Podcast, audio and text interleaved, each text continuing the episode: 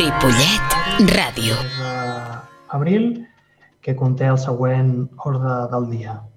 El primer punt és l'aprovació de l'acte a la sessió anterior, l'acte número 2021 5 de la sessió ordinària del 25 de març. La donem per aprovada si ningú diu el contrari. Molt bé. Següent punt és el despatx d'ofici, en el qual donem compte al llistat de decrets d'alcaldia des del 19 de març fins al 22 d'abril, amb dos inclosos, que consten a l'expedient dels llibres de decrets d'alcaldia 2021, número 2021 barra 313.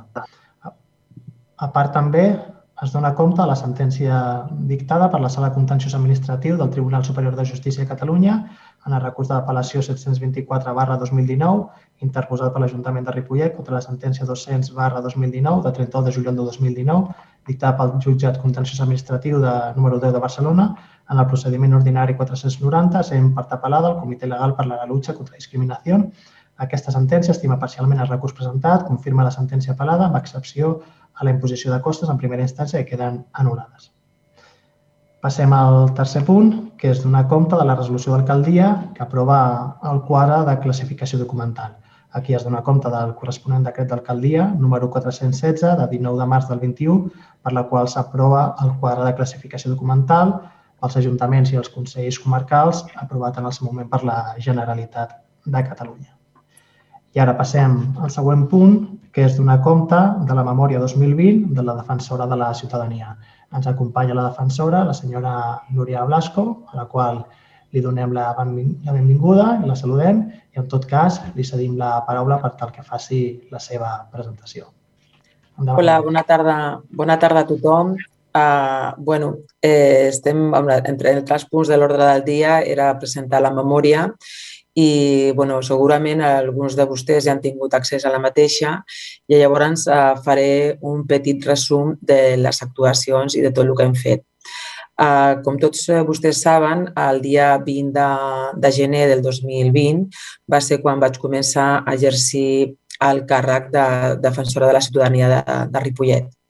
Llavors, bueno, anaven a un ritme força important, teníem forces visites, sobretot presencials, i es feia força ús del servei. I de totes maneres se continua fent molt ús del servei, però, bueno, com ja sabem tots, va venir la pandèmia i llavors això va fer canviar una mica el ritme de, de lo que al principi es portava, malgrat que van continuar atenent a totes les persones que feien ús d'aquest servei.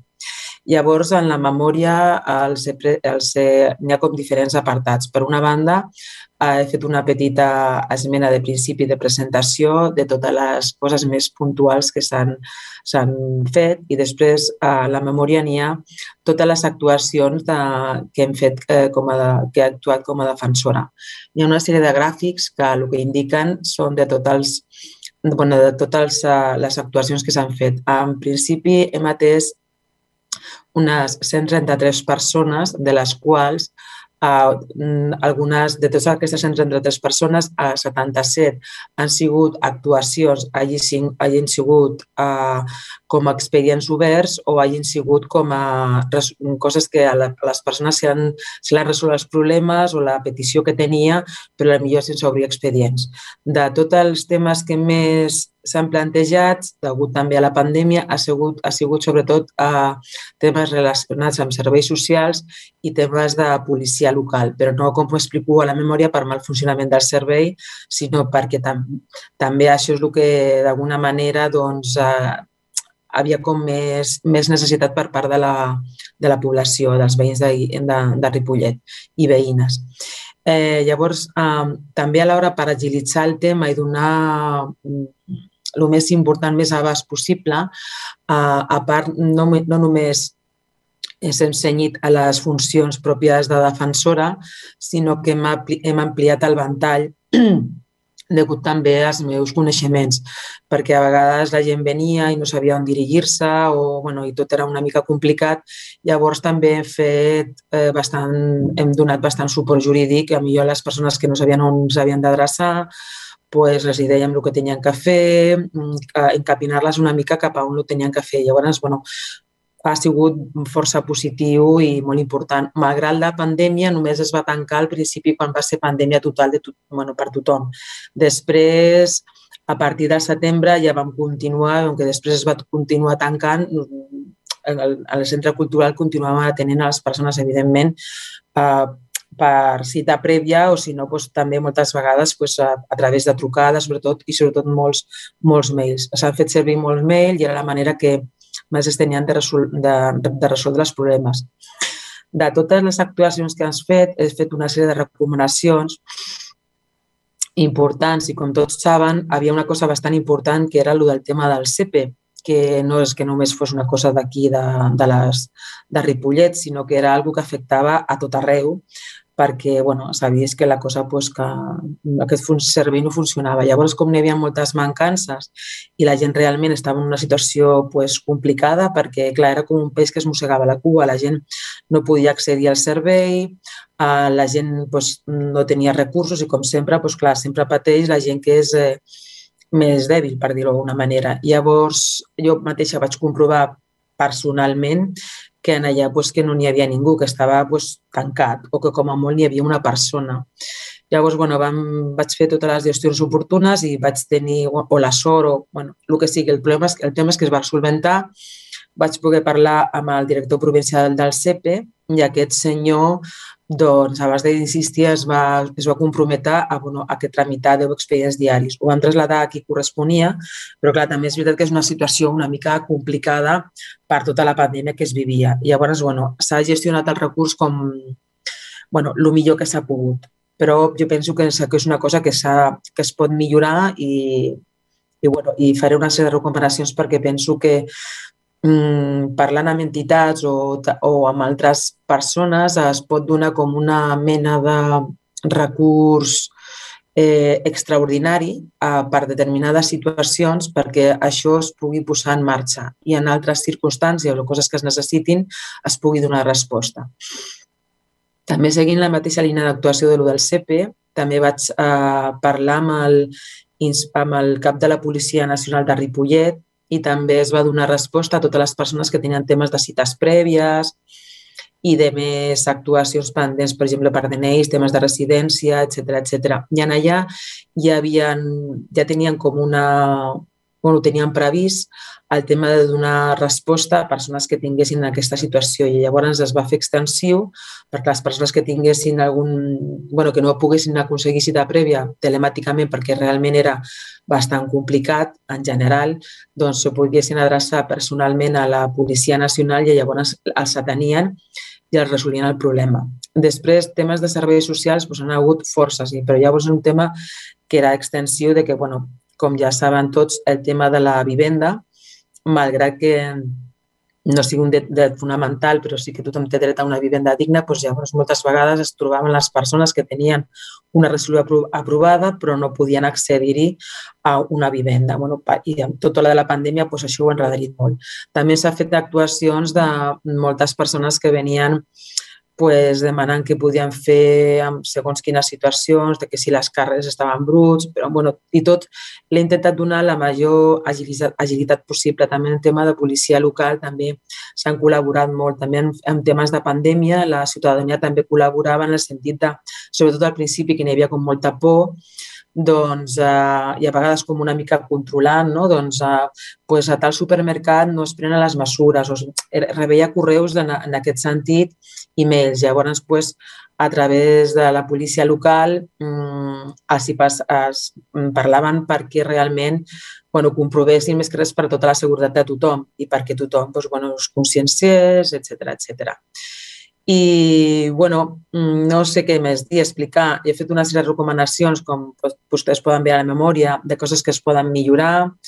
Uh, també s'han fet actuacions en el tema de, del Mercacentro, que és una cosa aquesta que encara està pendent de resoldre, perquè és un tema que ja porta molts anys, però bueno, s'ha començat a posar fil a l'agulla i a començar a fer una sèrie de bueno, d'actuacions i, i bueno, per tema de millorar per tothom. També el tema, ni una cosa també important, que això no està recollit, el tema de, del tema dels nichos, que és una cosa que s'ha de, de canviar efectes de, de que afecta, és una cosa que afecta a moltes persones i sobretot com és un tema a vegades delicat, com poden ser bueno, les persones eh, estimades de cadascú, etc etc, com gestionar això i canviar una mica la normativa. Eh, i, bueno, i moltes consultes també des de, jo que sé, l'àvia que no podia veure el seu net, fins la persona que no li tornaven els calés perquè havia pagat alguna cosa. O sigui, ha sigut molt variat, però sobretot era serveis socials i policia local, però com torno a dir, no perquè funcionés malament el servei. Eh, a la memòria es poden ver com dues apartats, com he esmenat abans, coses, actuacions que s'han fet amb expedients, resolucions i expedients que s'han tancat i després moltes coses, moltes actuacions que fèiem pues, a través de mail, de trucar a les persones, de parlar amb elles i donar una resposta i de resoldre les situacions i de donar la informació adient perquè era el màxim agilitzar el màxim el servei el màxim possible. Per això també s'han pogut fer pues, moltes més actuacions. La veritat és que la gent ha utilitzat força el servei, molt, molt. La part que ha quedat més pendent i també degut a la pandèmia, és el que prenc, bueno, penso reprendre, són el tema de les, de les entitats perquè degut a la pandèmia i també a les, a les poques hores que també tenim com a, com a defensora, tampoc les hores no donaven per més. O sigui, no donaven per més. S'han intentat resoldre pràcticament tots els temes, excepte un tema que ha quedat pendent, que era un tema que es va plantejar de les campanes del poble, de l'església. Tinc la informació i ens posarem fil a l'agulla, però bueno, eren temes que potser a vegades tot pot ser important, però a vegades, segons les situacions, pues, dones prioritat, prioritzes unes coses en comptes d'altres per al tema de, de, de, de recursos de prioritat i de temps. I, bueno, bàsicament és això el recull de tot el que s'ha fet. Mm, I no sé, després, en proporció a l'any que ve, ai, perdó, a l'any passat, de com estadísticament d'actuacions que havien fet, etc etc, s'ha de tenir en compte que en l'any 2019 l'anterior defensora pues, tampoc va acabar el, el càrrec. Tenim, tenim dades, però Mm, bueno, tenim les que tenim. Llavors, eh, en proporció, hi havia una sèrie d'actuacions eh, que també bueno, que ho vam fer molt bé i, i bueno, hi havia una comparativa i no es va acabar tampoc l'any. Llavors, aquest any, tenint en compte la pandèmia, doncs, bueno, s'ha fet tot el màxim que s'ha pogut i, i això. I llavors, en l'estadística més, si veus, veuen la, bueno, la memòria, doncs en allà es pot veure doncs, totes les actuacions de tot, el que, de tot allà. I després també per actuacions de, de, bueno, de, dels, la, dels diferents, uh, dels diferents uh, bueno, per dir una manera, de llocs de Ripollet, com poden ser Can Mas, uh, el carrer Maragall, uh, tots els diferents llocs de, de Ripollet per zones, les diferents actuacions. I bàsicament és, és això el que us volia explicar. Totes les actuacions estan ah, detallades, cada una de les actuacions que hem fet, i per la meva part, res més. Si algú vol preguntar alguna cosa, doncs, doncs li respondré encantada i res més, no res més que dir. Molt bé, moltíssimes gràcies, defensora. Ara, si, si us sembla, obrim un torn d'intervenció dels diversos portaveus per tal que manifestin el que creien convenient i si hi ha qualsevol cosa que calgui aclarir o, o preguntar. Senyor Montanui. Gràcies, alcalde. Uh, és evident de que, de que potser eh, el que diré ara segurament eh, és una opinió popular, és una opinió de tots plegats. Uh, ara mateix, tot i que podríem fer una valoració la, la, la resta de regidors com jo mateix, crec que el que toca en aquests moments i donada les circumstàncies en les quals eh, anteriorment i mesos enrere i més l'any passat la defensora s'ha trobat eh, amb el panorama de, de confinament, amb el panorama de pandèmia, amb un panorama bastant complicat. Crec que és de, és de justícia agrair-li l'esforç i agrair-li el temps de dedicació i, i com no, la resposta que ha tingut davant de totes les incidències i peticions que hi ha hagut per part de la ciutadania que de ben segur, tot i que, com han manifestat, potser no han estat al 100% com ella voldria, però personalment eh, convençut de que s'ha fet una molt bona feina. Eh, res més, alcalde. Moltes gràcies. Gràcies. Gràcies. Senyora López, per part de SOM. Sí, nosaltres queríamos darte las gracias porque a pesar de estos momentos tan duros que hemos vivido, has hecho un buen trabajo, tú y todas las personas que te han ayudado y que te animo a que sigas adelante. Gracias. Gràcies. Gràcies per part de Ciutadans. Sí, per part de Ciutadans, agrair-li la feina i la dedicació i donar-li les gràcies per aquesta excel·lent memòria i encoratjar-la perquè l'any que ve sigui millor. Gràcies. Esperem superar-la. Gràcies. PSC.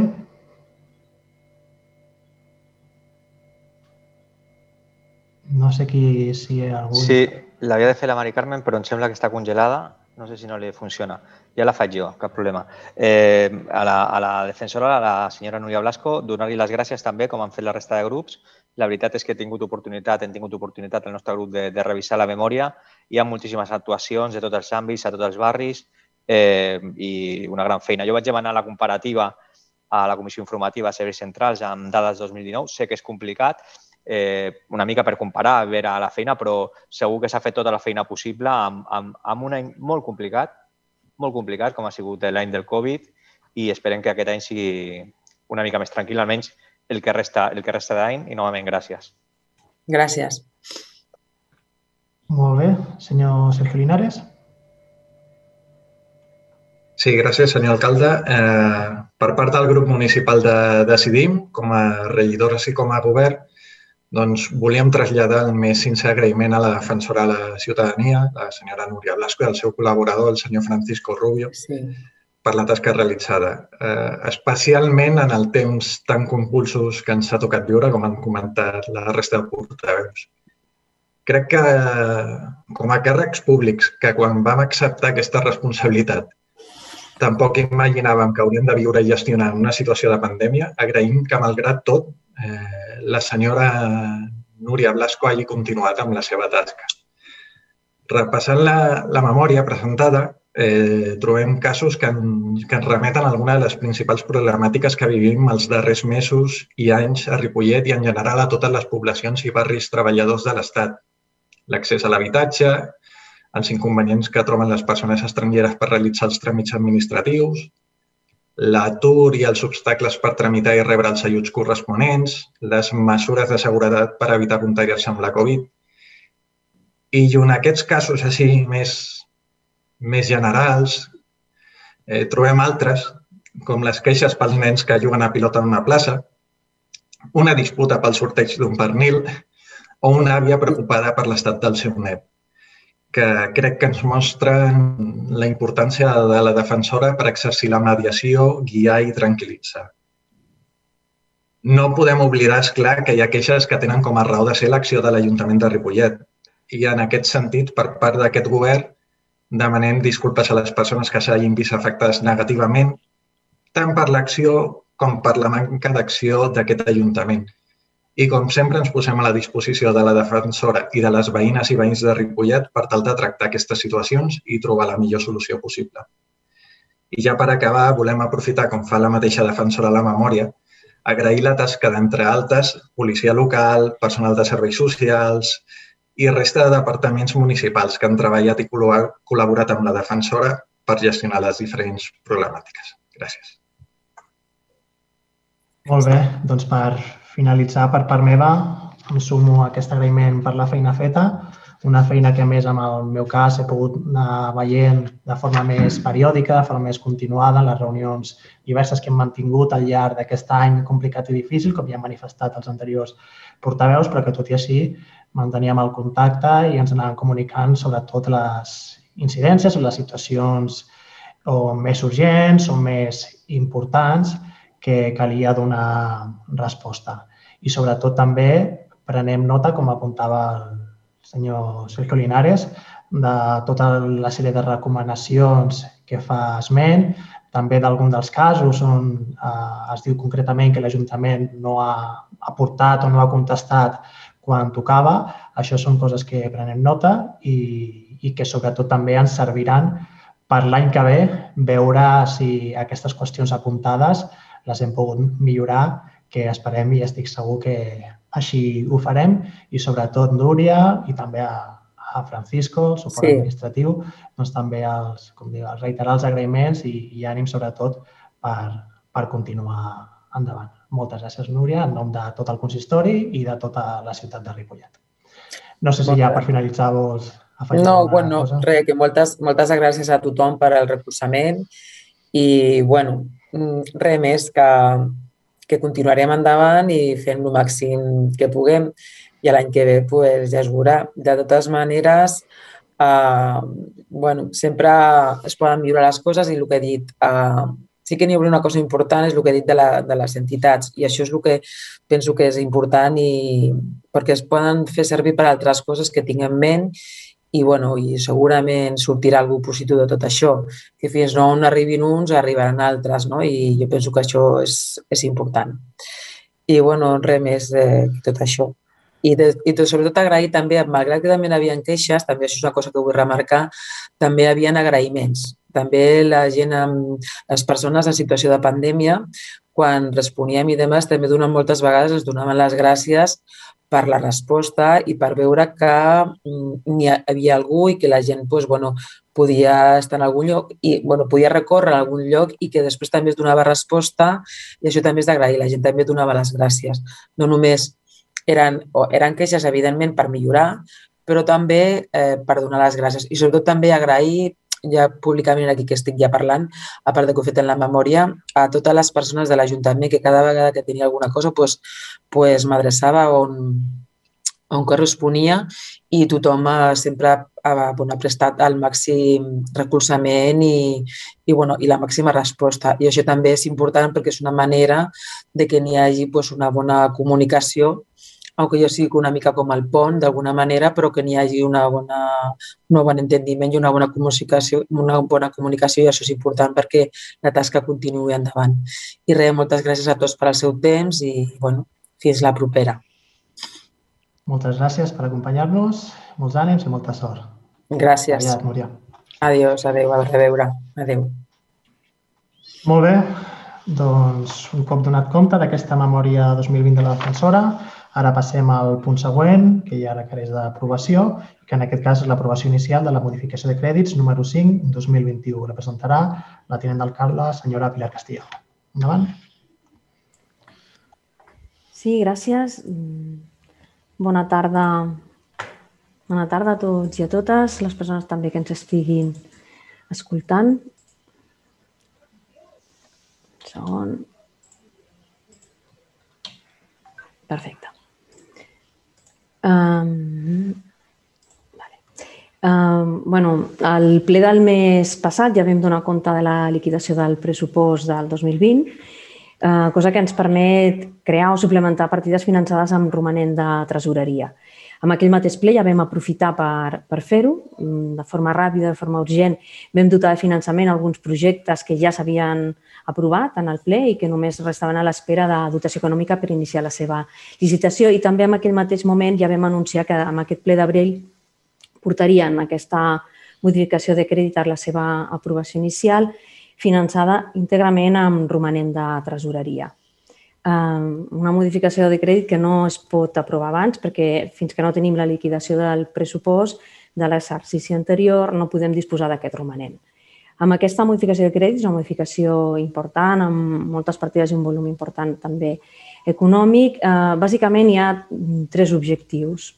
El primer d'ells és eh, per aquelles inversions que vam aprovar juntament amb el pressupost del 2021, que en principi estaven finançades a crèdit fins que poguéssim disposar del romanent, doncs amb aquestes inversions canviem el finançament.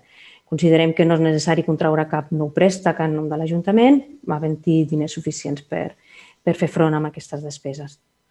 Uh, fem una mica de memòria, eren inversions importants com el viver d'empreses, la, la passera del riu sec per adaptar-la, uh, la pavimentació d'adaptació de la passarel·la per persones invidents, la Casa de la Dona, el nou arxiu municipal i un programa important de millores a les escoles públiques. Un segon objectiu d'aquesta modificació de crèdit és eh, continuar amb, amb aquestes inversions necessàries no? per, per aquest 21 i financem.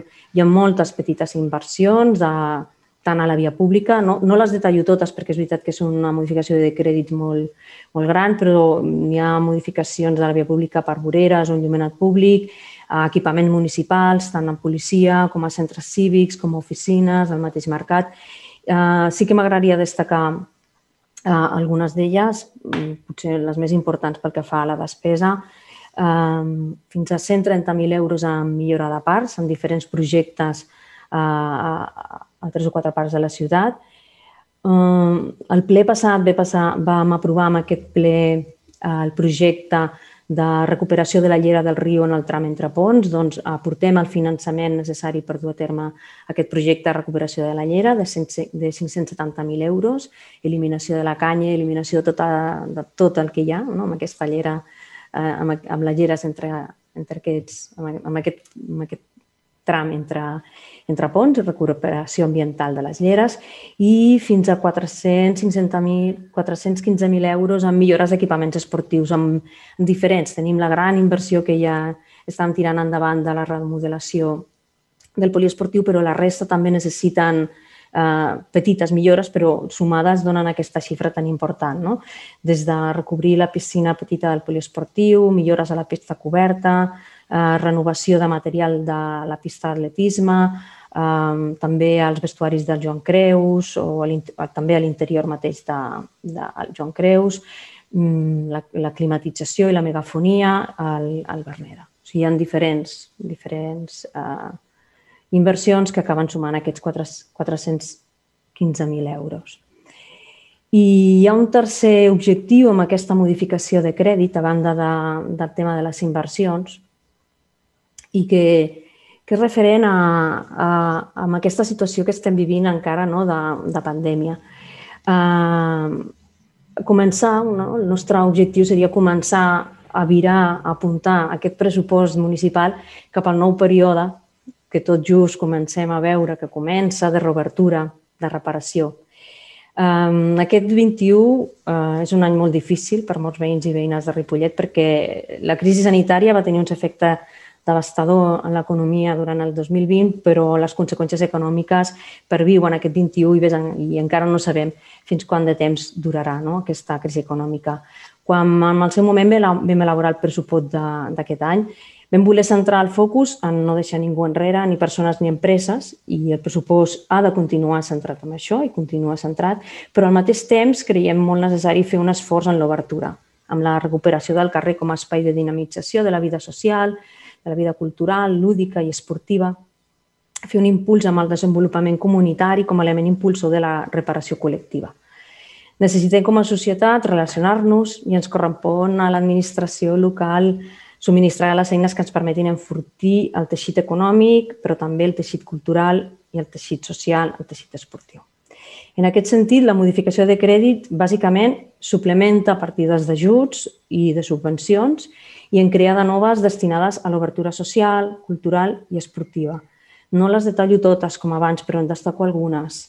Uh, de les més importants, 275.000 euros en polítiques actives d'ocupació per suplementem les que ja havien creat per crear plans d'ocupació. L'ocupació ha de ser un, una, un dels eixos vertebradors de les polítiques d'aquest Ajuntament i, per tant, suplementem una partida inicial que ja teníem per poder donar més, més cabuda a polítiques actives d'ocupació i també amb altres polítiques també adreçades al món econòmic com d'ajuts al comerç i a l'empresa i aquí destinem prop de 230.000 euros nous amb aquestes activitats.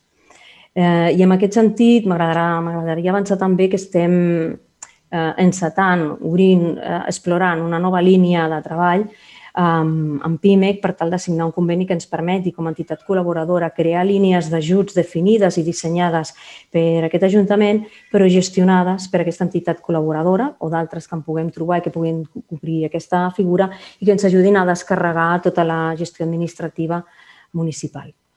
Eh, a banda d'aquestes dues partides que us he explicat, destinem també prop de 125.000 euros a increment d'ajuts econòmics i seguiment del pla de xoc que es va elaborar l'any passat des de drets socials, de l'àmbit de drets socials, i uns 280.000 en diferents partides destinades a impulsar la cultura en tota la seva vessant com a eina de recuperació social i de desenvolupament comunitari.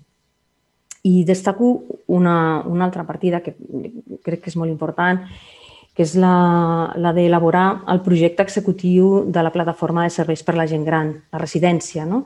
Aquest projecte executiu està, està dotat, la seva partida, amb, amb, amb 600.000 euros perquè bueno, són els càlculs que s'han fet, són els diners que ens costarà aquest projecte executiu per dur a terme la, la residència. Volem que sigui un espai de dignitat per la nostra gent gran, una residència que està pensada després de tot el que hem vist i després de tot el que hem viscut en moltes residències durant aquesta Covid i que, per tant, incorpora tots els aprenentatges durs d'aquesta època. I per fi és una partida no, que significa el salt de la teoria que veníem elaborant a la pràctica de la construcció d'aquest nou equipament tan necessari i tan demanat pels veïns i veïnes de Ripollet. En resum, doncs, es tracta d'una modificació de crèdits on incorporem de, amb, finançada amb romanent de tresoreria per aquelles inversions importants i necessàries per construir Ripollet, amb ajudes i polítiques actives per no deixar ningú enrere i, finalment, també per posar el focus en la dinamització de la vida social, cultural i esportiva com a motor de la reparació col·lectiva. Si hi ha algun dubte, resoldré a la següent ronda. Gràcies. Molt bé, obrim torn d'intervencions. Senyor Montanui. Sí, gràcies, senyor alcalde. Agrair eh, a Pilar Castillejo la presentació de la presentació d'aquesta modificació de crèdit i no només això, sinó també el detall que ens ha, que ens ha ofert, tot i que eh, la major part de nosaltres ja érem conscients de, del contingut. Sense més, eh, aportar que per la meva part eh, el vot és favorable. Gràcies. Senyora López. I el vot serà favorable. Gràcies. Ciutadans. Si, si està parlant, senyor Gavarra, no... Perdó, tenia el micro apagat.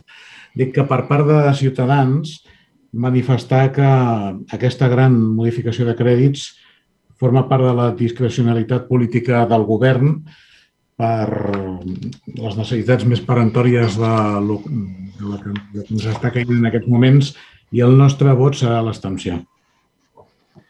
Gràcies. PSC. Sí, eh, primer tot, bona tarda a tothom, a totes les persones que s'estan escoltant. Faré una versió molt curta de la modificació de crèdits.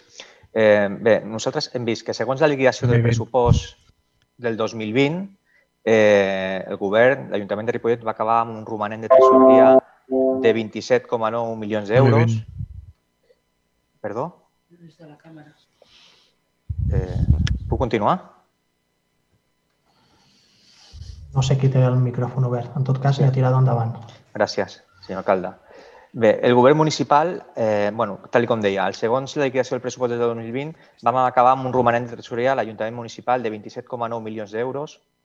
El govern municipal ha fet l'any 2020 una execució del pressupost d'inversions només del 34,29%, com a 29% i una execució total del pressupost del 69,3%. Això són dades de l'informe de secretaria de liquidació de pressupost que van aprovar el mes de març. No els diré que això és fruit, i no els hi dic, eh, que això és fruit de la manca de capacitat per gestionar el pressupost municipal, tal com han dit vostès a altres municipis on actualment són oposició i aquest és el discurs que s'ha fet. També hem trobat una falta, novament, de participació amb el principal grup de l'oposició per elaborar aquesta gran modificació de crèdits i, de, i desconeixent, a més a més, com està el pla de recuperació eh, de la Covid que es, va, que es va crear en les tres comissions, doncs des de fa mesos no es convoquen les comissions de seguiment.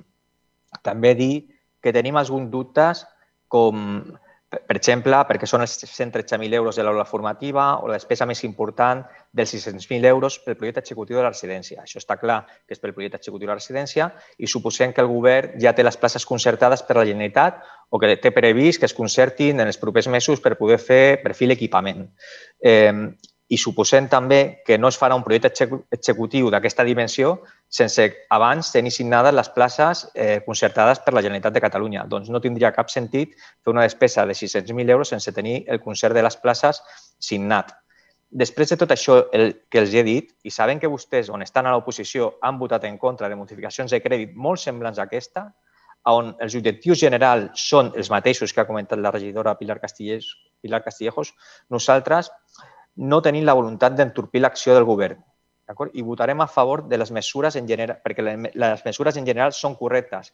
I és una molt bona notícia que el govern vulgui gastar 4 milions d'euros en les persones, que és el que van comentar al darrer ple de març, i que no es quedin al banc. Al banc ja en tenim prou diners, 27,9 milions d'euros. Esperem que es gastin aquests recursos i que compleixin amb aquesta despesa prevista i que no només es gastin el 34% de la despesa d'inversions com van fer l'any passat. O sigui, és una bona notícia i esperem que, que, que es puguin gastar aquests recursos perquè molta falta fa als veïns i veïnes de Ripollet. Per tant, el nostre vot, com he dit abans, serà favorable. Gràcies.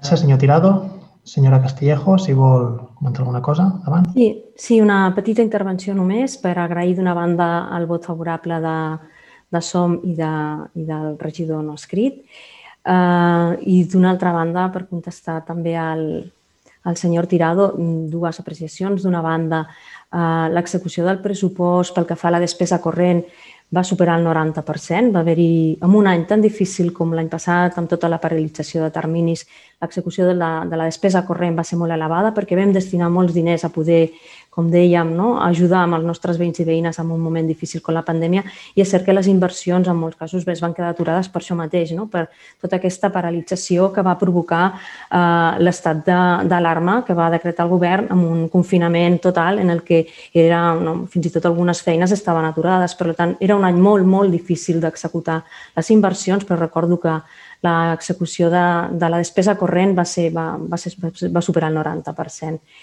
Eh, en segon lloc, també eh, pel tema de, de la residència, no? d'aquesta partida important, com jo deia, no? que significa el pas de, de, de, de la teoria a començar ja amb la construcció, de la construcció pràctica d'aquest d'aquest equipament. Les places concertades, el que tenim amb el govern de la, amb l'actual, govern en funcions de la Generalitat, és un conveni de voluntats eh, respecte a, amb aquesta, amb les, a la concertació de les places. El nou govern, que ara mateix s'està negociant, esperem que tinguem aviat un nou conseller amb el que pugui finalment doncs, acabar de, de concretar no? de concretar aquestes places públiques, amb un compromís que el departament, la part tècnica, contínuament està manifestant-nos el seu compromís per signar aquest, aquest, aquest concert de places i, per tant, doncs, jo crec que és un bon moment per celebrar plegats que, com que la nostra residència comença a ser una, una realitat. Doncs, per part meva és tot. Moltes gràcies als, als vots favorables i em sembla que el PSC al final has votat a favor, eh? que sí també, Lluís? Sí, t'ho anava sí? a dir, que no ens ho has agraït i també hem votat a favor. Perquè pensava que t'estaves abstenint amb el discurs no, que has fet, però... No, tampoc he fet un discurs tan dolent. Pilar, si em permets, si em permets, eh? com a, a, agrair-te que, que votis a favor, eh, bueno, que, que, que ens ho diguis ara, no? que, que agraeixes el nostre vot, sí. perquè jo crec que és una modificació important pel municipi i que el principal grup de l'oposició recolzi aquesta modificació de crèdits de 4 milions amb, amb, tenint en compte que, que no l'hem no impactat i que no, no ens heu demanat eh, eh, què ens semblava, sinó que només ho heu fet a la comissió informativa, doncs és una mostra de la voluntat de, del PSC de, de tirar endavant els projectes del municipi. Jo crec que això queda prou clar i és veritat que hi ha coses que no veiem clares i les manifestem. Hi ha moltes més coses que no veiem aquesta modificació de crèdits perquè no estan prou desenvolupades. Nosaltres internament hem vist això, hem vist una mica com la carta dels Reis Mags, no t'ho volia dir abans, sí? però és com si s'hagués parlat en tots els departaments a veure on fiquem aquí i què fem. No?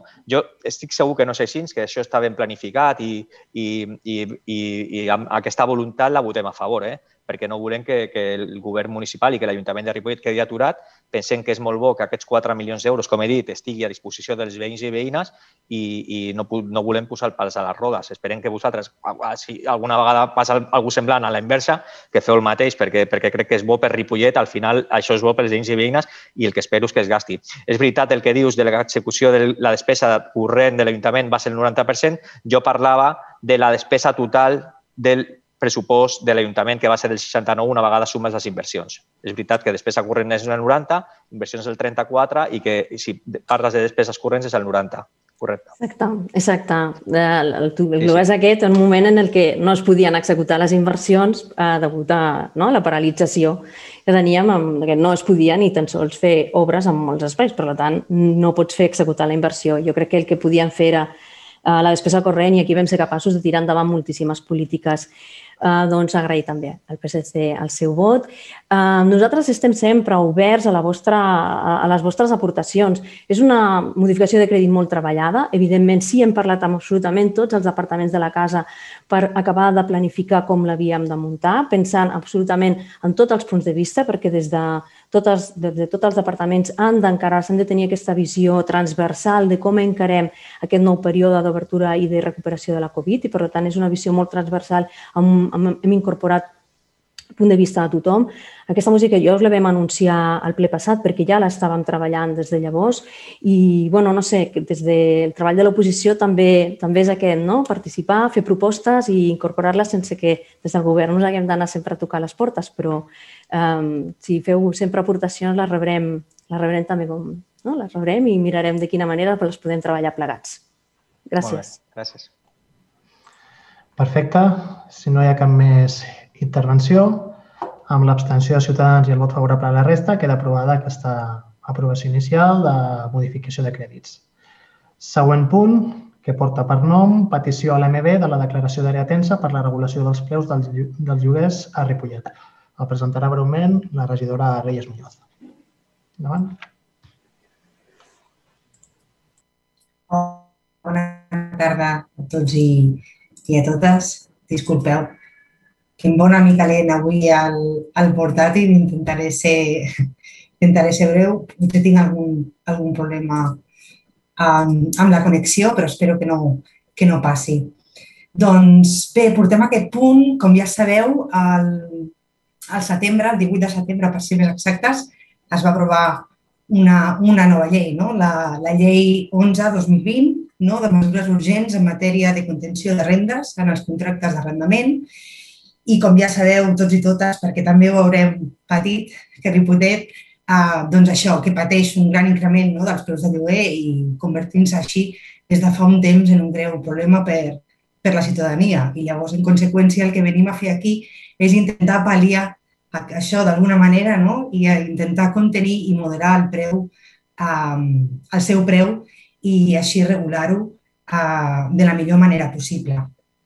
Llavors, segons aquesta llei, com comentava abans, eh, el que volem és declarar la nostra zona com a zona tensa de preus de lloguer i eh, ho podríem fer a través de, de la Generalitat o a través de l'àrea metropolitana i nosaltres ho hem volgut declarar a través de, de l'AEB i que sapigueu que nosaltres, com a Ripollet, ja va ser declarat de forma transitòria, no? tot, el municipi, tot el municipi com a àrea tens un període d'un any, però tot així aquesta validesa s'acabava al setembre i és per això que ho engeguem d'aquesta manera i ara en un ple.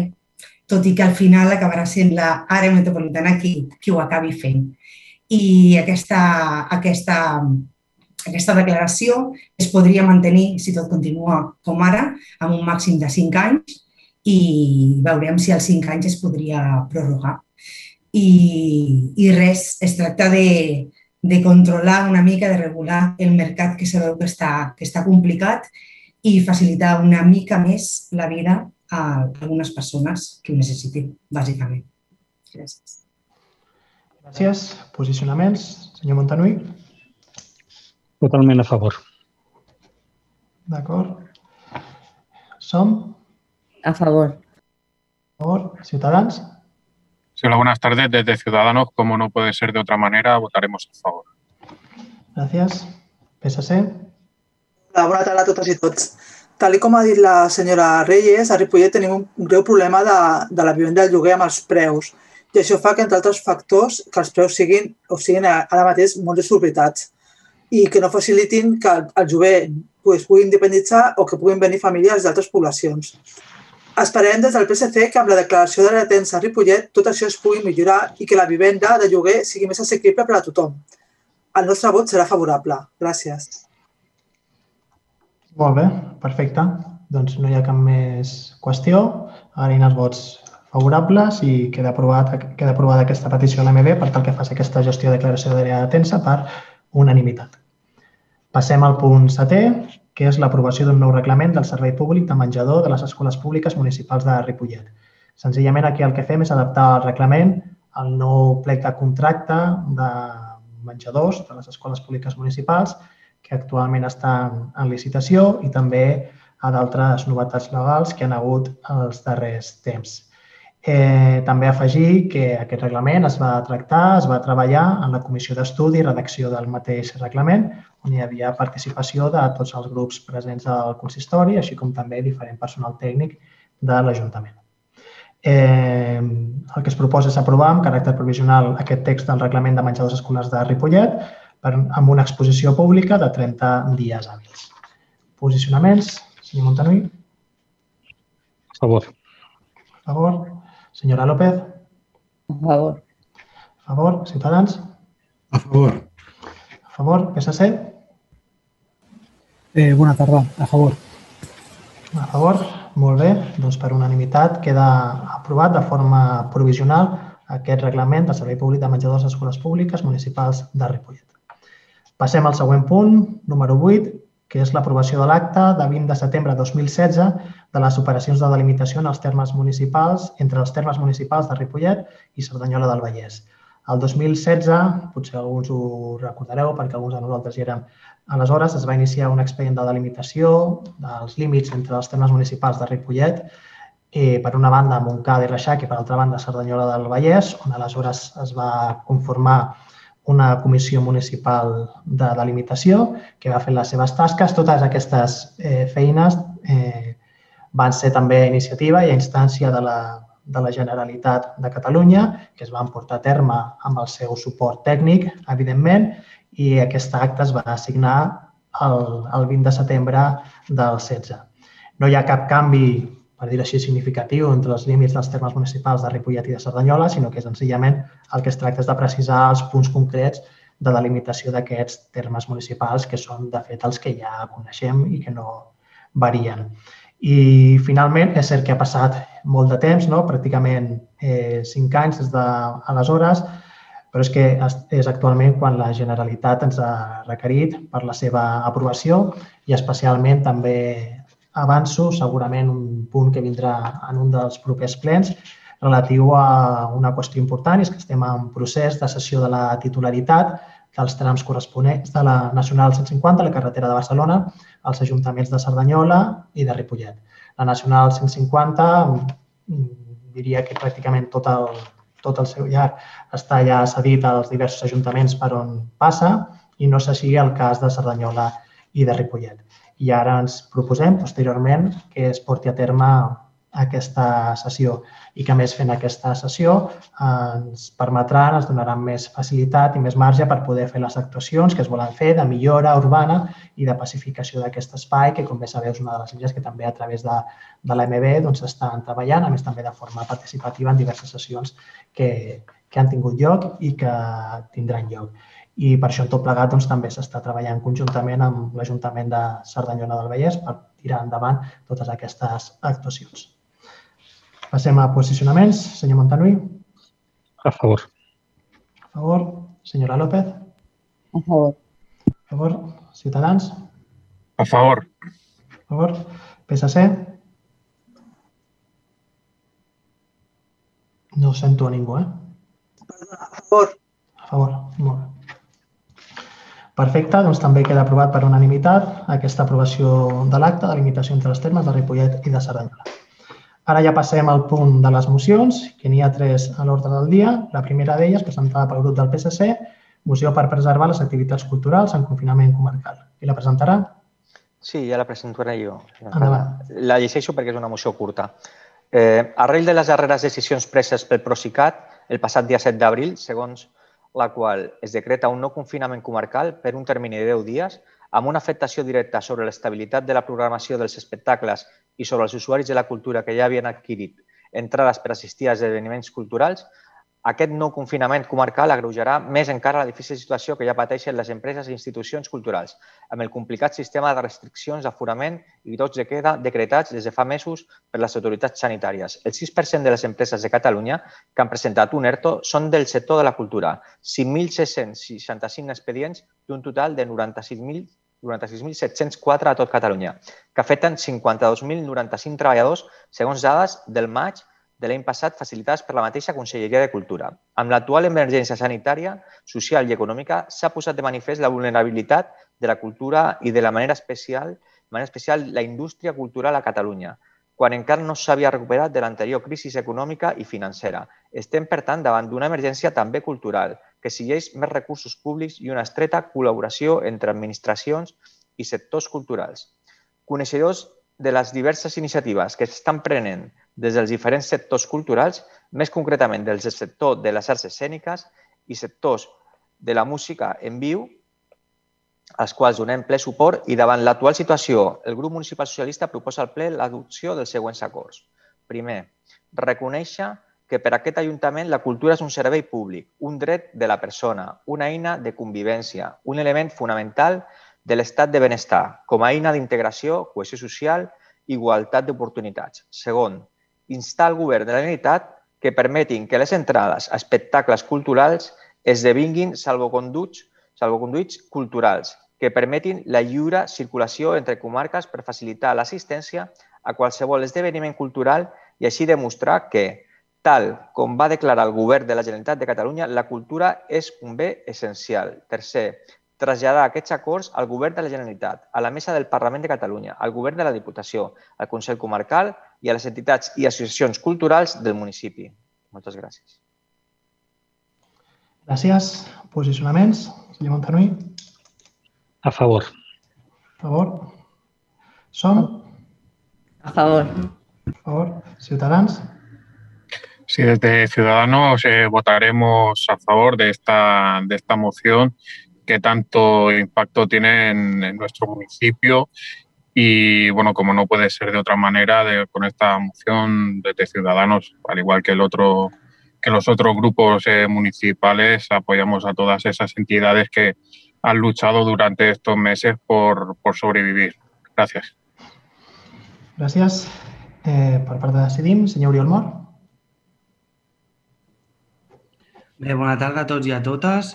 El nostre vot serà, favor, fa, serà favorable. Creiem que el, que el salconduit, doncs, eh, al cap i a la fi, doncs, pot donar una mesura al sector cultural en aquests moments no? de crisi que estem patint i tal i com últimament ja les dades doncs, reflexen de l'any 2020, no?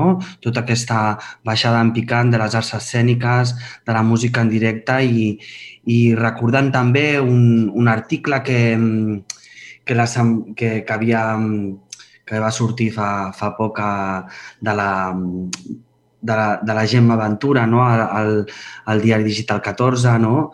Eh, ella feia tot un feia tot una, un reflex no, de, o tota una descripció de, de l'últim concert que, que, que va anar fa, bueno, aquesta setmana, no? que va anar a escoltar Tchaikovsky al Palau, al Palau de la Música, no? i al canvi a la fi, doncs, aquestes experiències que, que en aquesta crisi que hem viscut, no? en aquesta crisi social, aquestes experiències doncs, estan, s'estan perdent, no? eh, ens estan matant la sorpresa, la meravella, eh, aquestes sensacions, aquestes emocions que amb la cultura col·lectivament doncs, doncs podíem fer, doncs reflexa també doncs, la necessitat de, de, de poder eh, donar a la gent aquestes experiències que creiem doncs, que amb, amb la mesura que, que avui aprovem doncs, eh, podrà anar més enllà no? i esperem que no haguem de tornar enrere. No? M'agradaria compartir el primer paràgraf doncs, quan ella relata, no diu hi ha un lloc d'on surts millor del que hi has entrat, et dona el que no trobes en aquest món pautat, controlat, trist, depressiu, on cada dia es parla tant d'allò que ens mata i tampoc d'allò que ens fa sentir vius. És una porta oberta a un lloc lliure, sense perímetre, on voles i voles i voles. I el que va escriure algú fa 150 anys parla de tu, perquè la música no separa la vida i la mort.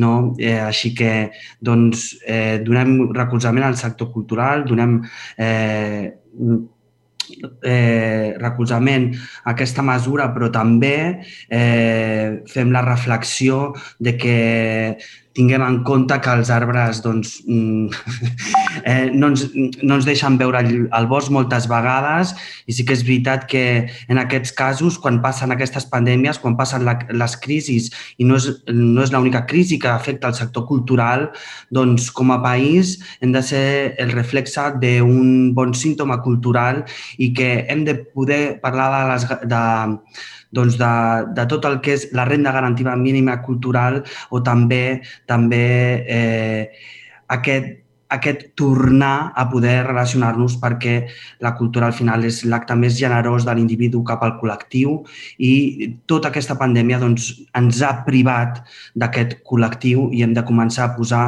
eh, noves mesures perquè no només aquest consum eh, necessari cultural estigui, sinó que també doncs, puguem recuperar aquesta vida en col·lectiu i cultural. Gràcies. Molt bé. Eh, sí, sí, sí. sí, gràcies. Bé, primer de tot, agrair a tots els grups el suport de, de la moció. Com s'ha demostrat, mira, eh, fa pocs va, hi va haver el concert, com tots sabeu, al Sant Jordi de Lofos Lesbian. Eh, S'ha demostrat que la cultura és segura, que si es fan les coses bé eh, no hi ha contagis, només s'han demostrat sis contagis, dels quals quatre no són d'aquell concert, eh, que eren previs. Eh, per tant, la cultura és segura.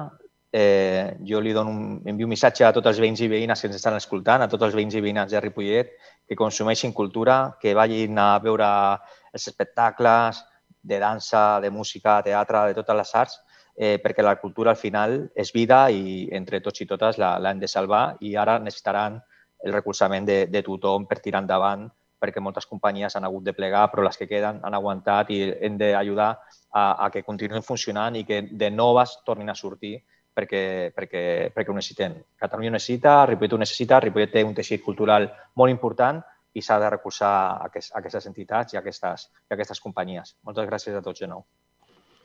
Moltes gràcies. A més, afegeixo, perquè ha sobrevolat en les diverses intervencions que s'han anat fent, però que avui és el Dia Internacional de la Dansa. I avui estem celebrant el Dia Internacional de la Dansa, també a Ripollet, però d'una forma diferent i anòmala al que fins ara estàvem fent i també diferent a allò que ens hauria agradat fer.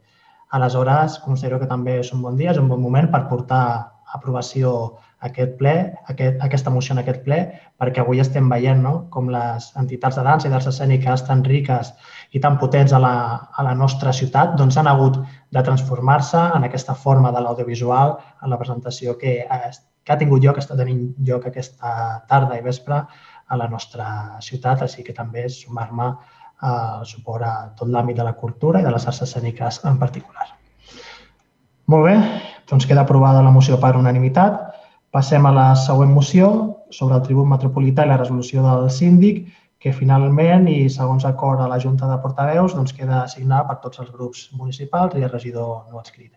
En tot cas, entenc que la presentarà la regidora Ibarrera. Doncs, endavant. Gràcies a tots els grups per adherir-se a aquesta, a aquesta moció. Passo a llegir-la. És una moció que ens vam portar des de l'Associació de Veïns de, de Ripollet. Moció sobre el Tribut Metropolità després de la resolució del síndac. Les associacions de veïns del nostre municipi sol·liciten als grups municipals l'aprovació d'aquesta moció al ple de l'Ajuntament. Atès que el síndic de Greuja de Catalunya ha emès la resolució de l'expedient AO 00215 barra 2019 relatiu al tribut metropolità de l'àrea metropolitana de Barcelona, després d'haver rebut nombroses queixes dels meïs de la segona corona atès que cal trobar altres vies de sistema de finançament de l'AMB més justes, igualitàries, equitatives, eficients i suficients. Atès que la ciutadania té dret a una fiscalitat justa, respectant els principis de capacitat econòmica, progressivitat, redistribució igualitari, equitatiu i no sent aquests els criteris de càlcul del tribut metropolità en basar-se només en els valors cadastrals.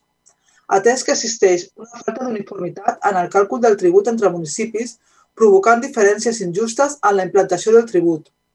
Atès que els nostres contribuents tenen dret a la devolució de l'import del tribut satisfet indegudament per tal de garantir els principis de legalitat i no confiscatoritat. Atès que no s'han establert al tribut uns beneficis fiscals per a les persones en situacions fràgils, vulnerables i crítiques sense protegir les economies familiars més desfavorables. Atès que les notificacions dels tributs no es van realitzar de forma feafent, considerant que es tractava d'un nou tribut i que i no es podran aplicar recàrrecs de la via executiva, si l'administració no acredita que ha fet la notificació individualitzada d'alta en el padró. Atès que no disposen d'un calendari d'inversions de millores en infraestructures i serveis de l'AMB a l'ordre a pal·liar les deficiències i desequilibris del nostre municipi, tot assolint els objectius de qualitat en el transport públic, mobilitat sostenible, accessibilitat universal i protecció als col·lectius més vulnerables atès que no s'han aplicat els títols de tarificació social a tots els municipis de la segona corona metropolitana en igualtat de condicions que els municipis de la primera corona. Atès que l'AMB ha de garantir la participació ciutadana, tot establint un diàleg obert i proactiu amb la ciutadania i les seves plataformes veïnals en l'escolta de peticions i la cerca consensuada de solucions. Per tot això, les associacions de veïns proposa a grups municipals l'adopció dels segons acords.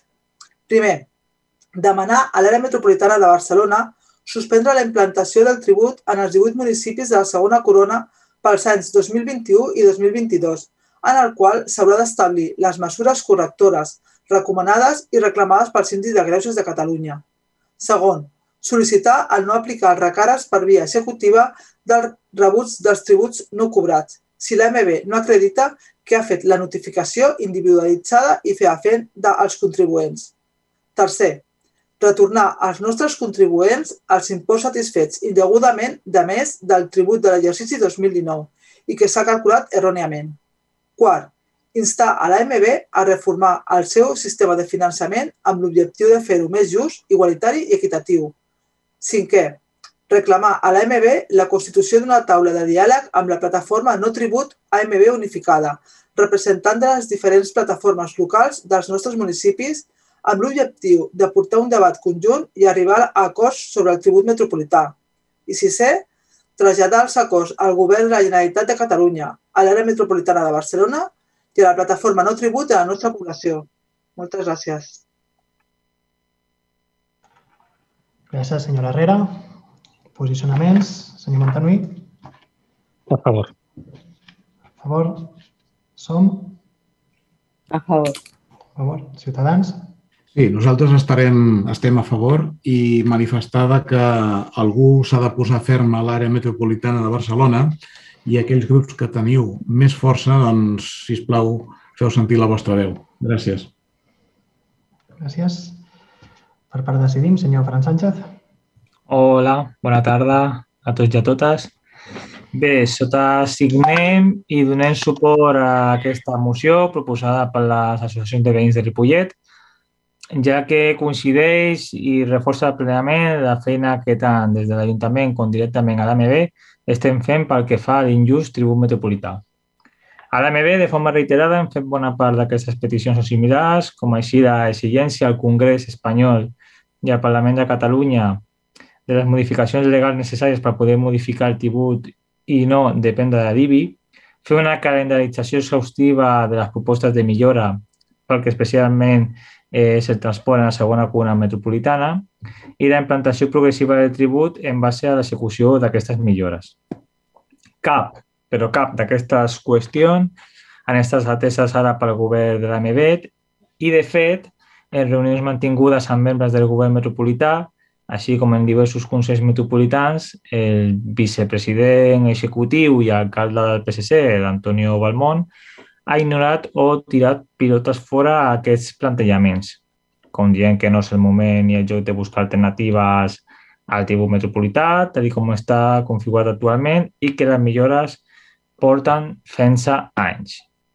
A més, pel que fa al retorn dels rebuts indegudament cobrats de l'any 2019, sempre s'ha dit des de l'AMB que no és que sigui un error, sinó que aleshores estava ben calculat en base a les xifres i números aportats des dels ajuntaments. I que, i que si en l'any 2020 els rebuts han estat diferents és perquè els ajuntaments van aportar en aquella ocasió números diferents. Un altre cop, pilotes fora i manca d'assumpció de responsabilitats per part de l'ANB.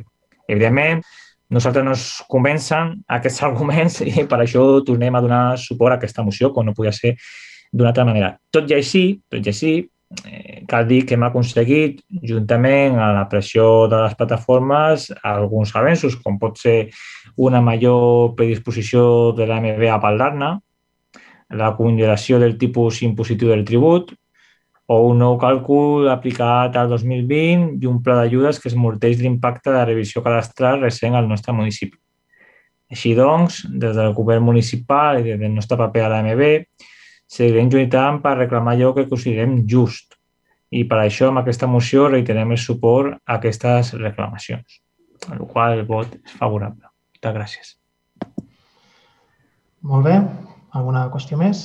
Sí, uh, primer donar les gràcies a tots els grups per votar favorablement i també dir-li al, al senyor Fran que, que sí, que el, que el govern de, de, la, de la metropolitana està al PSC, però també estan vostès amb, amb, amb el grup de Podemos i, i poden fer una força que nosaltres, nosaltres lluitarem pel municipi al costat de, de, qui, de qui està al costat del municipi. No té res a veure que governi el PSC a l'àrea metropolitana quan hi ha coses que ens desfavoreix com a, com a poble de Ripollet. I aquest tribut metropolità és una d'elles, a part del, del transport públic que tenim, que no és el més correcte, com, com ja sabeu, per diferents queixes que, bueno, que hem anat aportant al llarg del temps. I si no recordo malament, al primer, al gener o febrer, sí, al gener em sembla que ens vau dir que a tenir una reunió amb l'AMB i amb la, amb la Generalitat per intentar solucionar abans de les eleccions també el problema del, del transport públic i han passat dos mesos i continuem igual. Que, que jo agraeixo la veritat que, que s'hagin que el, el vot favorable, però que, que també pensin que això repercuteix a tots els veïns al tema econòmic i que està malament, malament calculat el 2019, el 2020 i, i, i que no és veritat, eh? que, que està malament calculat i, i, que, i que va haver-hi rebuts del 2019 de gent que no havia de, de, de pagar-ho i es va pagar. Però igualment moltes gràcies per, per recolzament. Eh? Breument, senyor Sánchez. Sí, jo només recalcar en quant a la qüestió, sobretot més municipal, sí que volia respondre a l'Eva. Sí que és cert que, que amb el tema de, de, la, de la MB hem estat a punt, per sort no ha sigut així, hem estat a punt de passar per un tercer govern de la Generalitat, per un tercer conseller o consellera, i de veritat que, que hem aconseguit que això no sigui així, no? O sigui, la primera, la primera fase era aconseguir que aquest, que aquest traspàs de línies, com ja sapigueu, vosaltres també, des de, des de la Generalitat a l'AMB, el que són les línies C4, 620 i 685, per fi vam fer un ultimàtum molt dur, ultimàtum que portem molt de temps fent, però molt dur, de que abans de que hi haguessin aquestes eleccions al febrer, si plau, això estigués fet perquè no podien esperar més temps, no podien esperar més. De fet, anàvem molt tard, no? Vam aconseguir aquest, aquesta assignatura del conseller, que és en funcions ara mateix, i a partir d'aquí sí que vam tenir reunions a l'AMB i a la Generalitat i ja s'ha efectuat d'aquesta manera amb aquesta assignatura del conseller, d'aquest traspàs de línies, tot el que és el tema més legal, jurídic i traspàs tècnic. El qual sí que és cert que, que, que, que mm, ara mateix està en ple traspàs tota aquesta informació i el que nosaltres estem fent doncs, és mm, apretar i agilitzar que això sigui ja. Perquè, clar, la primera frontera, la primera línia l'hem traspassada, que era la més important d'entrada, que era aquesta assignatura, i ara, durant l'any, això ja s'ha d'efectuar del tot. Vull dir que sí que és cert que no només serà que aquestes línies vagin a l'AMB, sinó que l'AMB amb aquests acords que ja han dit que milloraran les línies i que hi haurà un millor servei, estarem atents i atentes perquè així sigui. En la qual esperem que, i no només això, sinó que els títols socials, que és una de les coses molt importants com la targeta rosa, doncs que la ciutadania de Ripollet pugui fer-ne ús. No? I amb això ja tenim un pas important fet, que no és l'últim, però que és important. Moltes gràcies. Molt bé, i jo, disculpeu, senyora Herrera, també un de nou aclariment. Decidim Ripollet a l'MB és un grup metropolità propi, únic, i que, evident, i que no està al govern metropolità i que s'ha manifestat en el sentit que expressa aquesta moció en reiterades ocasions. Així com també és evident i és objectiu, perquè també jo, com a conseller metropolità a l'MB, que he pogut mantenir reunions amb diversos responsables del govern de l'MB i amb els responsables també polítics dels diversos partits que integren el govern de l'MB, doncs que la principal, el principal obstacle per fer un tribut metropolità més just són el vicepresident executiu, el senyor Balmont, i el vicepresident en matèria de transport, el senyor Antoni Poveda. Aquestes són, almenys sota el meu punt de vista, són les sensacions que tenim en base a ja alguns anys eh, batallant, insisteixo, per fer un tribut metropolità diferent. Molt bé. Doncs no hi ha cap més qüestió. Eh, queda aprovada aquesta moció per unanimitat, que tanmateix és el més important, que un altre cop queda manifestat aquest suport unànime del ple municipal en aquestes qüestions relatives al tribut metropolità i més encara després de la resolució del síndic de Greuges. Passem a la darrera moció de l'ordre del dia, que és la, una moció iniciativa de la plataforma afectats per la hipoteca per una llei que garanteixi el dret a l'habitatge. Finalment, i també com s'ha concretat a la Junta de Portaveus, està signada per tots els grups municipals i el regidor no adscrit. La presentarà la senyora Reyes Muñoz. Gràcies, alcalde. Doncs bé, a moció de suport a la iniciativa per una llei que garanteixi el dret a l'habitatge. Després de 42 anys d'absoluta vulneració no, d'aquest dret humà, considerem que la, que la nova llei ha de protegir, garantir de manera efectiva el dret a l'habitatge en tot el territori. És que la crisi residencial és innegable. Més de 32.000 persones sense casa vivint al carrer, 12 milions de persones en risc d'exclusió social, més d'un milió de desnonaments entre 2008 i el tercer trimestre del 2020, molts agreujats amb clàusules abusives i executats amb una legislació contrària als estàndards europeus, sense importar que hi hagi darrere menors o persones eh, dependents. A l'estat espanyol, els habitatges socials representen un 2,5% del parc d'habitatge principal i és que la majoria social porta massa anys suportant els qui posen els seus beneficis privats per damunt de la vida i la salut de milions de persones. És per això que aquesta moció acorda primer, la llei ha de garantir el dret a un habitatge digne, assequible, accessible i adequada com a dret subjectiu. Segon, stop desnonaments de persones vulnerables sense cap altra alternativa habitacional. Tercer, assegurar i ampliar el parc públic de lloguer social i arribar com a mínim al 20%.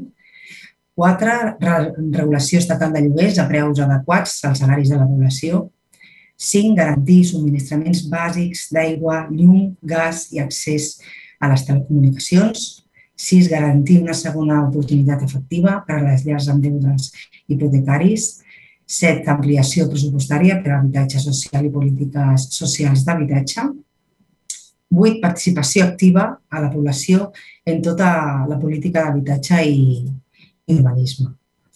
I bé, des d'aquí també aprofitar per donar les gràcies a, a la PA, no només per aquesta moció, sinó per al seu dia a dia, per al seu, tots aquests anys de lluita no? i protecció en matèria d'habitatge dels, dels drets humans. I també aprofitar l'ocasió per donar les gràcies al Departament de Socials Eh, de serveis socials no? que fa de contenció de, de situacions realment molt vulnerables, molt dures i, i ja està. Gràcies. Posicionaments. Senyor Montanui. A favor. Som? A favor. Ciutadans? Sí, a favor. I PSC? Sí, a favor. Molt bé, doncs si no hi ha més qüestions, queda aprovada per unanimitat aquesta moció i de nou donem les gràcies a la PA per la iniciativa de presentar-la en aquest plenari i aprovada de forma unànima. No hi ha més mocions a l'ordre del dia, així doncs passem a pregs i preguntes. Obrir un torn, senyor Montanui. No, avui no presentarem ningú prec ni pregunta. Gràcies, alcalde. D'acord. Senyora López? Eh, no tenim cap intervenció, però sí que he de dir que he de marxar ja. Disculpa, tinc d'anar a la feina, ¿vale? Gràcies a tots. Adéu. problema. Que vagi bé, Melody.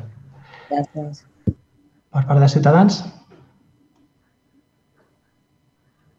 Si el senyor Tapia no en té a cap, per part meva no n'hi ha cap.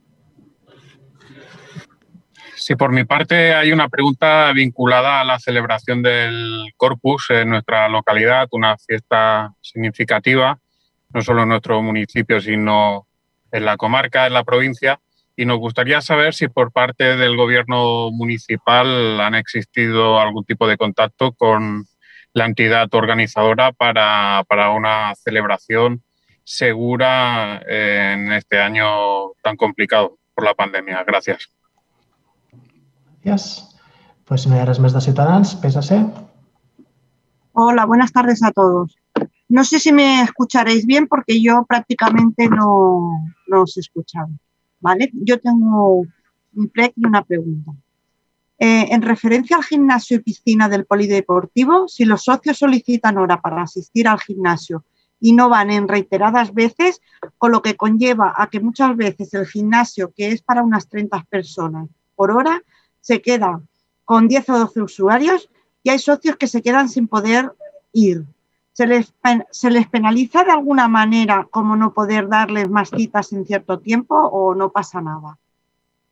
¿Vale? Y, y luego lo otro es, hemos tenido quejas de algunos vecinos de la calle Pizarro a la altura del parque, donde está la colonia de gatos protegidos, y nos comentan que se meten en sus casas y jardines y hacen sus necesidades allí. Eh, pedimos que se cambie la ubicación a un sitio más alejado de la vivienda, si pudiera ser. Gracias. Endavant, següent. Sí, hola, bona tarda. Uh, bueno, jo tinc bueno, una pregunta i, i, i després un, un prec o una reclamació. Uh, el primer, la pregunta és, uh, ja sé que, que l'Ajuntament està fent totes les inversions per canviar la lluminària de, de tot el poble, però especialment el que reclamem és que el carrer La Mercè, on està la farmàcia, uh, per les nits, quan, sobretot quan està a guàrdia, com, com està tot el, molt, la zona que hi ha molt enforquida, doncs eh, hi ha molts problemes o sigui, per, per, per tota la gent. O sigui, crec que he de, de, de posar fil a l'agulla i intentar pal·liar aquesta mancança que, que tenim allà, Carla, sé. En general en tot el poble, però bueno, especialment on estan els punts o les farmàcies que siguin, que estiguin de guàrdia. I després el, el prec, bueno, és, eh, fa un darrer ple eh, van demanar si havia pensat l'Ajuntament eh, al carrer Federico García Lorca, on està el, ubicat el, el racó de, de, de, de, on està l'homenatge a Federico García Lorca, el que està al costat dels contenidors. No tinc resposta. No, no sé, suposo que igual ho, està, ho esteu estudiant, però com, com s'ha aprovat també una moció a, a favor de la cultura, cultura al costat de les escombraries, doncs la veritat és que no queda molt bé. No sé, gràcies. Senyor Molina, següent. Hola, bona tarda a totes i a tots. Unes quanta, uns quants pregs per part meva. Um, en referència als veïns de, del barri de Can Mas, uh, si es podria fer un estudi de la possibilitat de canviar els containers al carrer Sant Jaume, que estan al davant de la peixateria, però també estan molt, a sobre, molt al davant de les vivendes i hi ha molts veïns que, que s'han queixat i, i els locals si es podrien traslladar i que no estiguessin tan al davant de les vivendes. També ens han demanat la possibilitat d'estudiar posar una, una zona de càrrega i descàrrega i descàrrega per als locals d'aquest carrer del Sant Jaume, perquè, mm, clar, posar el, el, el carrer més, més peatonal i, i que no es pot aparcar, els vehicles quan han de descarregar els locals no, no tenen on, on posar-se per, fer, per fer aquesta tasca. També ens demanen, aviam si es pot valorar, fer una zona de càrrega i descàrrega al carrer Covadonga amb carrer Montoriol, que també hi ha uns locals comercials aquí que no tenen zona per fer aquesta càrrega i descàrrega. Hi ha concretament, crec que hi ha un bar, hi ha una, un local de, per fer reformes, hi ha una cristalleria, crec que també hi ha. I demanem també, si us plau, si ens podeu fer un petit resum de com està enfocat aquest any el, el tema de casals d'estius pels, pels nens i les nenes d'aquí de Ripollet. Gràcies. Gràcies, senyora Martín. Següent. Volia fer una pregunta al senyor Mor. Uh, hola, el, el passat 23 d'abril, el divendres passat, va finalitzar la presentació de, de documentació per a la licitació del bar del Centre Cultural. Sabem quantes sol·licituds s'han presentat i quan està previst, si no hi ha cap problema en aquesta licitació, que es pugui obrir el, el bar? Vale? I després a la senyora Reyes és refrenar les treballadores del SAT, que s'han posat en contacte amb nosaltres per explicar-nos la, la seva situació. La seva reducció de treball a Ripollet, sapiguent que en aquests últims mesos han hagut serveis nous i aquests no s'han activat. Hi ha hagut algun tipus de problema perquè no, no s'activin tenint serveis nous aquí a Ripollet? Gràcies. Gràcies. Següent. Sí, gràcies, senyor alcalde. Jo tinc dues preguntes. La primera és eh, saber què està passant amb protecció civil a Ripollet Eh, ens, ens han queixat algunes entitats que no estan tenint el suport per part de Protecció Civil, que sembla ser que, que hi ha un problema amb la subvenció que rep de l'Ajuntament, que no la rep i aleshores no pot pagar les assegurances de les persones que estan a Protecció Civil i si això és correcte i com es pot solucionar, perquè, per exemple, a Càritas els divendres teníem suport de, de protecció civil i ja no, ja no, ja no hi és. Uh, sé que la cursa de la milla que, que s'ha demanat del suport de protecció civil per aquest dissabte tampoc hi és. Aleshores, es va succeint els eventos, eh, ara començarem a obrir més el municipi i no tenim el recolzament de protecció civil, sabent, a més a més, la manca de policia, d'efectius que tenim a Ripollet. Eh, si ens podeu informar de, de quina és la situació i com, com es pensa solucionar aquest, aquest problema que, que estem patint. Després també tinc un prepregunta que vaig tenir l'oportunitat d'estar aquesta mateixa setmana, fa parell de dies, eh, reunit amb, amb un grup de mares de l'escola Ansel Clavé que em van demanar que anés a parlar amb elles perquè tenen un problema de seguretat. Em van manifestar que hi ha un problema de seguretat a la sortida i entrada de l'escola Ansel Clavé, amb el tram del carrer Escoles amb el tram del carrer Moncada justament al carrer del Sol, que és un carrer semipeatonal, però que els cotxes que estan aparcats al carrer de les escoles quan, quan estan els, els nens i nenes sortint de l'escola, passen per allà, hi ha vehicles que passen ràpid i, eh, i, i alguna vegada hi haurà un accident i pensem que hi ha una solució molt senzilla, que és posar una pilona a dalt, que sembla ser que, la, que, que ara mateix no hi és, que es posa la valla, però els vehicles retiren la valla, i una altra a baix, a, justament al carrer Escoles, amb, en carrer del Sol, i que la pròpia conserge les pogués treure eh, cada 10 minuts. És un carrer amb molt poc tràfic, però que, però que és estret, eh, no, nens molt petits que, van, que creuen per allà i que algun dia tindrem una desgràcia i em vaig comprometre amb aquest grup de mares que, que faria aquest prec, aquesta pregunta, per veure si des, de, des del govern municipal es pot fer alguna intervenció per solucionar-ho, que crec que és senzill i amb voluntat política s'hauria de poder fer. Gràcies. Gràcies. Pues regidors, regidores que vulguin contestar una qüestió. Senyora Guijarro. Hola, bona tarda a totes. Uh, sí, mira, la senyora Mari Carmen, uh, és cert que nosaltres ara mateix, com estaven gestionant uh, les entrades a gimnàs i a piscines, feia a través de, de, bueno, de la web que tenim amb el mateix sistema que es fa la cita prèvia a l'Oficina d'Atenció Ciutadana de Ripollet. Eh, és un sistema que estava molt adequat uh, aquest servei d'atenció ciutadana, però davant la situació que vam patir amb, amb la Covid, doncs vam voler utilitzar aquesta eina per, per altres serveis com podria ser la piscina descoberta, el gimnàs o, o la piscina coberta, com, com has comentat. Uh, sí que és cert que des de fa potser un mes uh, van començar a detectar, sobretot a, a piscina, com les persones reservaven, però uh, potser bueno, no assistien perquè, òbviament, hi ha un aforament i, i, no, i no estava cobert. Uh, llavors, uh, van començar a treballar amb l'empresa, amb el sistema que tenim d'activitats dirigides, que uh, crec que, que el coneixeu, i els propers mesos, com a màxim eh, durant l'estiu, doncs podrem disposar del mateix sistema tant pel gimnàs com per totes les instal·lacions que, que tenim al poliesportiu. Amb aquest sistema de, del Deport Win, um, llavors sí que podem tenir uh, un control més exacte dels usuaris que han reservat i que no venen a, a les classes.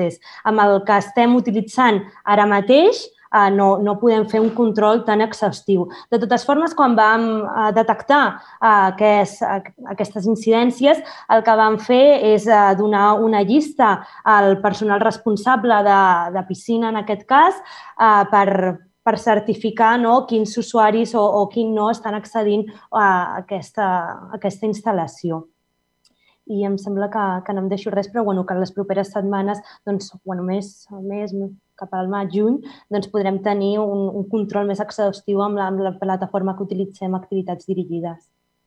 Merci. Més, regidors, regidores? Senyora Castillejo? Uh, sí, um, hi ha hagut dues intervencions referents a la ubicació dels contenidors. És un tema que és molt delicat perquè sempre que mous un contenidor perquè molesta amb un, amb, amb un col·lectiu o amb, un, amb, amb uns veïns, el poses en un lloc en el que molestes amb uns altres. No? Sempre hi ha algú que pateix les conseqüències. És cert que es poden estudiar ubicacions a vegades millors, a vegades els mateixos veïns et donen una solució eh, que diu, mira, eh, aquí no molesta menys. O sigui, és, són, són temes que sempre els estudiem en cura i que problema hem fet com una revisió d'aquestes dues ubicacions de, de contenidors que ens heu donat. De totes maneres, eh, bueno, que sabeu que estem treballant amb la solució definitiva amb aquest problema dels molèsties dels contenidors, no? i és que estem treballant per eliminar-los. No? Eliminem de forma definitiva aquestes molèsties que generen eh, concentrar els residus de tot un, no? de tot un conjunt de veïns amb només en una posició eh, fent aquesta aportació de, no, amb el porta a porta, amb la que tots els contenidors seran retirats dels carrers en, en breu i eliminarem de forma definitiva les molèsties aquestes que concentrem amb uns veïns, les brutícies del carrer, les concentracions de residus, eh, els rebusques que les treuen i després deixen tot brut, o sigui que eh, mirem d'estudiar aquestes dues en concret, però bueno, treballem per la solució definitiva. Que la senyora Guijarro s'havia deixat un petit apunt per dir. Ai, sí, disculpa, perquè havies preguntat exactament que si hi havia sancions uh, ara mateix. Doncs actualment amb aquest sistema ens, ens fa difícil i per tant no, no podem sancionar, igual que, que amb les activitats dirigides sí que podien contemplar amb la pulsera qui realment no estava venint tenint una reserva. Doncs quan tinguem aquest sistema implementat, llavors sí que podrem fer aquest toc a les persones usuaris que reserven i, i no venen i, i per tant doncs deixen places que, que no es poden utilitzar, que se m'havia oblidat fer aquest matí. Gràcies, senyora Reis Muñoz. Jo, per contestar a la senyora Herrera, és bàsicament és una cosa del contracte. El contracte hem arribat a un topall i, i, i ja està. I llavors no es poden ampliar fins que no hi ha certes baixes. Tot això li hem explicat a elles, però jo entenc que és un, que és un, que és una cosa feixuga i difícil d'entendre, tot i així estem pendents d'una reunió per si tenien uh, preguntes com més concretes per ajudar-les i, a, i a fer entendre una mica la situació, que és complexa, eh, de veritat, ho entenc. Gràcies. Senyor Fran Sánchez. Hola, jo primer contestaré a, a Sònia dient que, que estudiarem, estudiarem aquestes propostes de càrregues i descàrregues en policia local, que ha comentat, i una vegada sàpiga li, li faré arribar. I també volia contestar al senyor Luis Tirado en referència al carrer Escoles. Bé, al carrer Escoles, precisament aquests dies hem tingut diverses reunions, perquè com ja sapigueu, al nostre PAM, aquest carrer eh, es peatonalitzarà. Vull dir, eh, eh, continuar fent aquests carrers amables que estem fent peatonals. I precisament vam tenir una reunió a la direcció de l'escola en Cercave amb, amb el regidor d'Educació, l'Oriol Mor, i també vaig tenir jo una reunió i policia local amb, els veïns i veïnes del carrer i també a través de, de comerç i amb la regidora en la Txell i amb, i amb, el, i amb el cap de, de l'Antonio Quesada doncs vam anar parlant diversos comerços i la idea és que és això, és aquest estiu, abans de que comenci el curs escolar, doncs al, al carrer Escoles, des del que és el carrer Sol fins al carrer Canigó, que sigui un carrer peatonal, en el qual aquesta, aquesta, això que em comentava vostè, de que els carrers que estan aparcats, dels cotxes que estan aparcats i de, i de la problemàtica que tenen amb el gir i la perillositat que pot tenir, doncs, doncs que ha resolt, no? Eh, Dir-vos que, que, que, a més, mm, serà una solució definitiva perquè la idea és que, que entre en escoles en Canigó doncs es posi el model que tenim al carrer Nou, de que puguin entrar vehicles d'emergència amb una pilona extraïble i que al carrer Sol doncs, puguin entrar eh, vehicles eh, veïns o, o alguna càrrega descàrrega com adient. No? Vull està tot estudiat i gràcies al, a l'estudi que vam fer de carrers peatonals a l'any 2018 del centre, en el qual tothom va estar d'acord, farem reunions de retorn i rebem aportacions que estem rebent com de l'escola o dels mateixos veïns i veïnes. Moltes gràcies. Una resposta més? Eh, senyor Oriol Mor?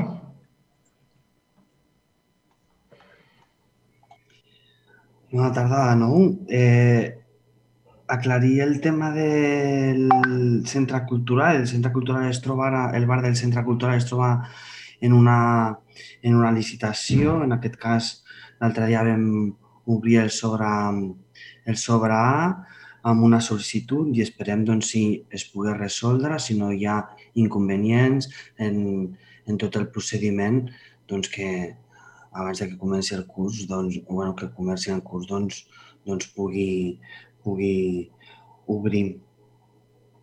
Eh, Després, pel que fa al tema dels casals d'estiu, respondre que és molt complicat i torno a dir que, doncs, que la força gran qui porta doncs, els casals d'estiu a Ripollet, que són les entitats i les associacions de lleure i esportives, eh, puguin tancar les seves propostes quan encara no hi ha una normativa clara referent als casals d'estiu.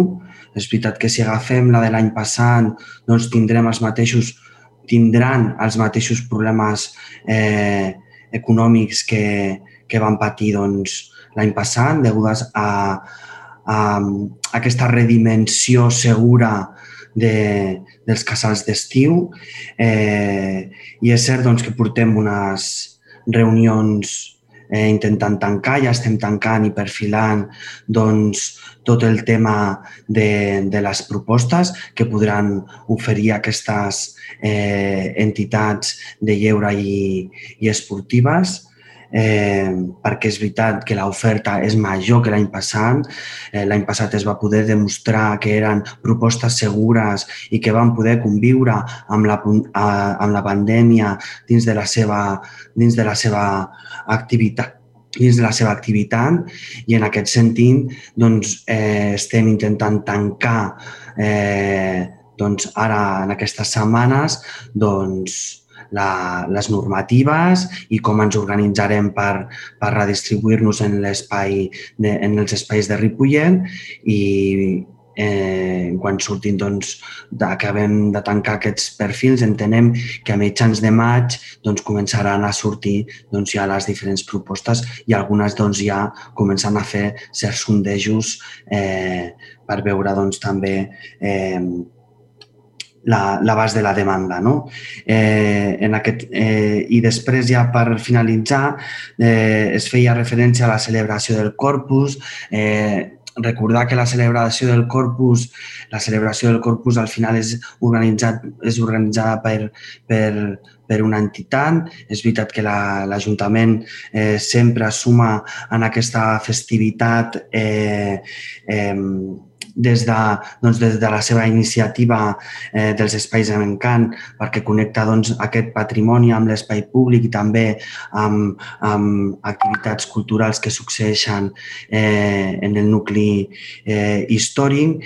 I en aquest sentit, eh, com tota la cultura popular tirada endavant per totes les entitats doncs, està veient restriccions. Recordem que les mesures del, del Procicat és que la cultura popular està eh, completament, no es pot celebrar eh, en l'espai públic i en aquest sentit, com, com estem fent, passet a passet, mes a mes, anar doncs, eh, seguint les mesures del Procicat i poder anar programant juntament entitats i també doncs, amb els diferents equipaments de la ciutat doncs, aquestes festivitats i tot i que quedi de manera simbòlica, segurament, doncs, com l'any passat, eh, alguna cosa doncs, es podrà fer.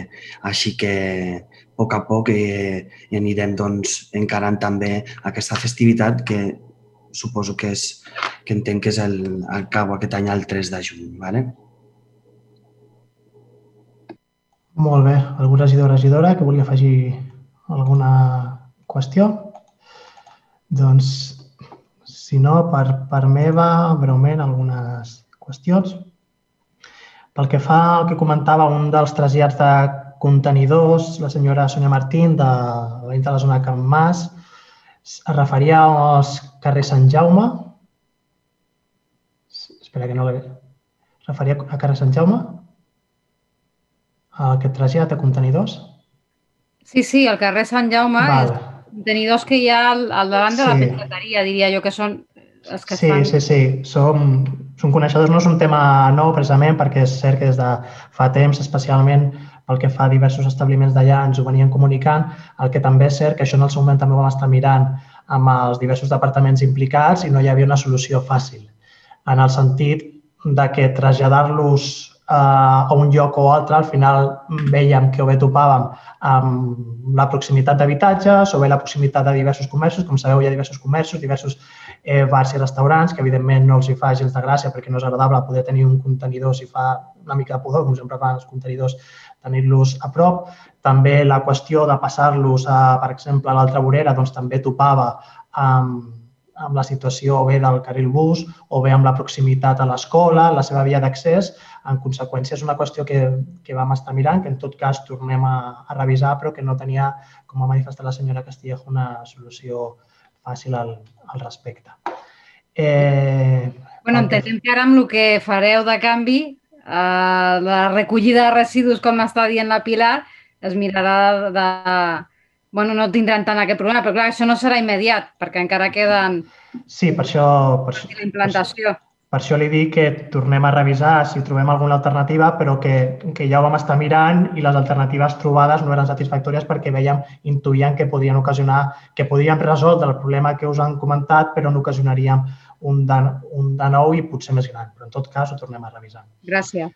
Pel que fa a protecció civil, és cert, és un problema que, que tenim, no? que malauradament ara per ara encara no estan podent fer serveis perquè queda pendent aquesta qüestió de les assegurances que està vinculada amb el conveni anual que tenim amb, a, amb aquesta entitat. Aquí el que ens hem trobat és amb una qüestió, principalment unes deficiències en la justificació de les factures de justificació de la subvenció de l'any passat i que fins que allò no justifiqués no podíem elaborar el nou conveni, que és el que ha de donar sortida a tot plegat.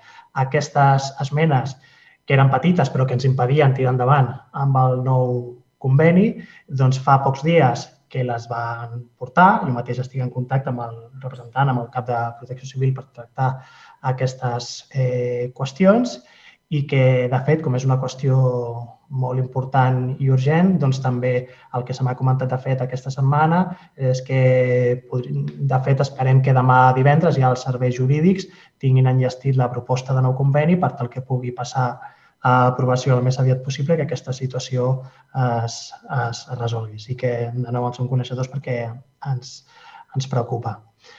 I per últim, per part meva, bé, insistir en la qüestió del, de la qüestió del, de l'escola en Cel Clavé i carrer Escoles.